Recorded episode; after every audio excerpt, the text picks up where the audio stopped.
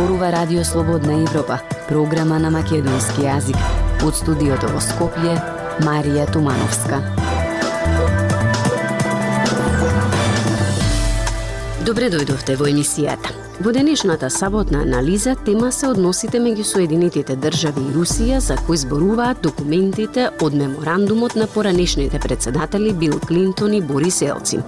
Во серијата декласифицирани документи објавени од Архивата за национална безбедност на Соединетите држави, објавен е меморандум кој ја следи комуникацијата меѓу двајцата лидери и ги отсликува односите меѓу двете земји во тоа време. Документите нудат уште еден увид во раните оптимистички години на американско-руските односи и даваат уште една историска мисла за тоа како и кога односите се влошија, особено во времето на наследникот на Елцин, Владимир Путин. Останете со нас. Еден ден од како русите гласаа на национален референдум што служеше како гласање за доверба на председателството на председателот Борис Елцин, тогашниот негов американски колега Бил Клинтон му се јави на телефон.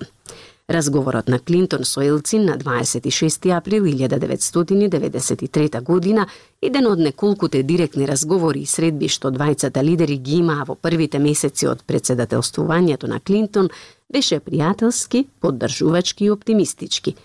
Сакам да знаете дека ние сме во ова со вас на долг рок, рече Клинтон, покажува новиот декласифициран меморандум со детали за телефонскиот разговор.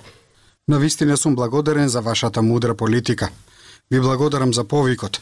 Тоа е многу важно за мојот дух. Ви благодарам не само за мене и мојата сопруга, туку и за целиот руски народ. Одговорил Елцин – Меморандумот е последен во серијата декласифицирани документи објавени од Архивата за национална безбедност на САД. Документите нудат уште еден увид во раните оптимистички години на американско-руските односи и даваат уште една историска мисла за тоа како и кога односите се влошија, особено во времето на наследникот на Елцин Владимир Путин. Националната безбедносна архива, невладина организација сместена на Универзитетот Џорџ Вашингтон во Вашингтон, објави и други декласифицирани документи во кои во детали се опишани внатрешните размислувања меѓу минатите председателски администрации.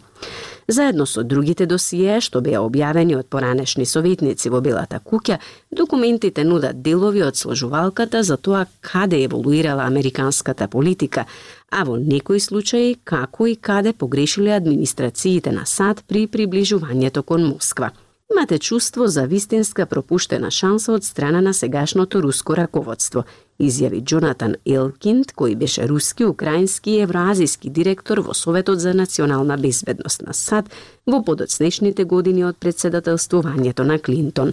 Јас би бил последниот човек што ќе тврди дека некој е неодолив, кој е било страна, но единствениот факт е дека акумулацијата на поплаки, кои се чини дека ги мотивираат политиките на Путин, го игнорираат фактот дека имаше многу заеднички напори на председателот Клинтон и неговата администрација да се изгради подобри, помирни, постабилни односи меѓу Соединетите држави и Русија вели Елкинд, кој сега е научник во Центарот за глобална енергетска политика на Универзитетот Колумбија. Според него, апсолутно вредел напорот што го направил администрацијата на Клинтон. Успехот на тој потват беше се само несигурен, а во некои од тие документи можете да ја видите несигурноста што ја следеше целиот процес, како некој внимателно да ги заштити американските интереси и исто така да најде поинеков и подобар начин со Русија. Вели Елкинд, Елцин беше избран за председател во јуни 1991 година, кога Русија се уште беше дел од Советскиот сојуз. Во декември истата година, кога Советскиот сојуз формално престана да постои, тој стана председател на ново независната Русија. Американските власти, вклучувајќи го и предходникот на Клинтон, Џорџ Буш, го прифатија Елцин како демократски реформатор способен да ја оддалечи Русија од комунизмот и да го обезбеди огромниот нуклеарен арсенал на земјата. Избран во ноември 1992 година, Клинтон беше вториот председател на САД со кој Елцин комуницираше и со кого разви необично срдечни односи. Клинтон и Елцин телефонски разговараа и на 10 февруари 1993 година, околу три недели по инаугурацијата на американскиот председател. Независни вести и анализи за иднината на Македонија. На Радио Слободна Европа и слободнаевропа.мк.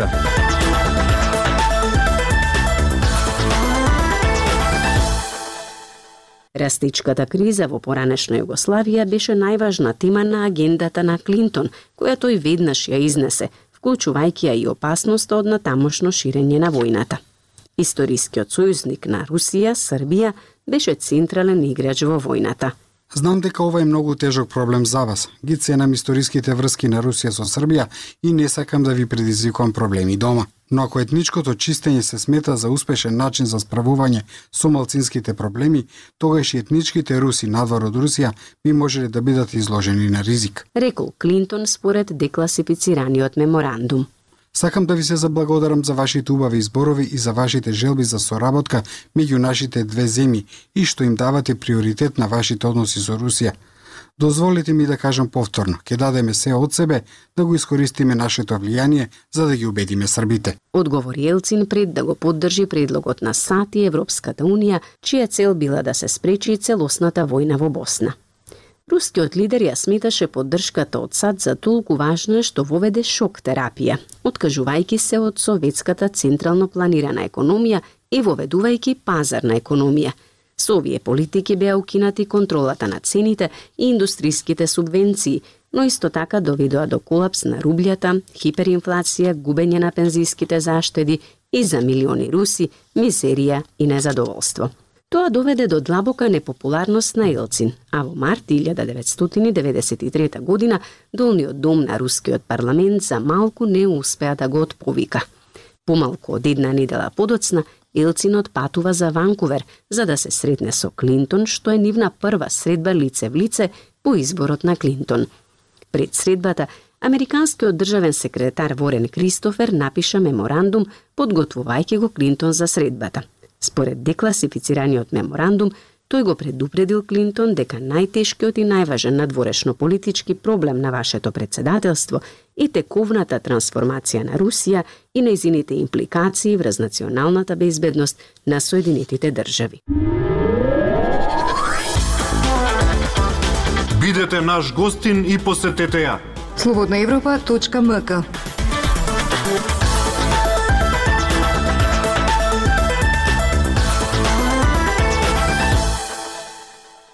Кризата во Босна беше политички чувствително прашање на кое Клинтон треба да се фокусира, напиша Кристофер, и како друга загриженост ги наведе извозот на ракетна технологија и однесувањето на руските сили во некои од новите независни држави на поранешниот Советски сојуз.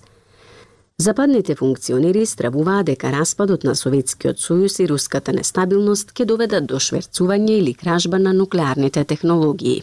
Соединетите држави и другите сојузници исто така се загрижени за избувнувањето на конфликти во места како Нагорно Карабах, Абхазија и Трансднестар и улогите што би можеле да ги играат руските сили. Руската политичка криза сигурно ќе ограничи способноста на Елцин да постигнува нови договори дури и кога тие очигледно би биле во корист на Русија. Напиша Кристофер. На нивниот прв состанок во Ванкувер на работната вечера на 3 април беа прикажани сртечните односи меѓу двајцата председатели, како и оптимизам, бидејќи Елцин побара американска помош за подобрување на руската нафтена инфраструктура и нафтоводи. Елцин рече, ако тоа се случи, сигурен сум дека за пет години ќе се надпреваруваме во уметноста, во джезот, во нафтата и ќе ве стигнеме. Жал ми е за джезот. Сушност, не сум сигурен за тоа. Може би не во джезот, но ние треба да ве стигнеме во вашата богата култура. Одговори Клинтон, страствен аматерски джез саксофонист. Следниот ден двајцата председатели и нивните советници имаа состанок речиси три часа, разговарајќи за десетици теми – законите за имиграција од советската ера, опасностите од ширењето на технологиите за нуклеарно и биолошко оружје, последиците од војната во Ирак во 1991 година, тензиите во Јужен Кавказ и нуклеарното тестирање меѓу другото. Елцин со задоволство ги пречекал американските инспектори и предложил заеднички напори за изградба на систем за ракетна одбрана – Ве молиме дојдете и погледнете кога сакате. Без покани, рекол тој според меморандумот. Го прифаќаме вашиот комитет во секое време и во кој било град. Нема веќе грев на нашата душа. Можете да извршите увид, рекол Елцин. Сакате да знаете повеќе? Наша веб страница слободнаевропа.мк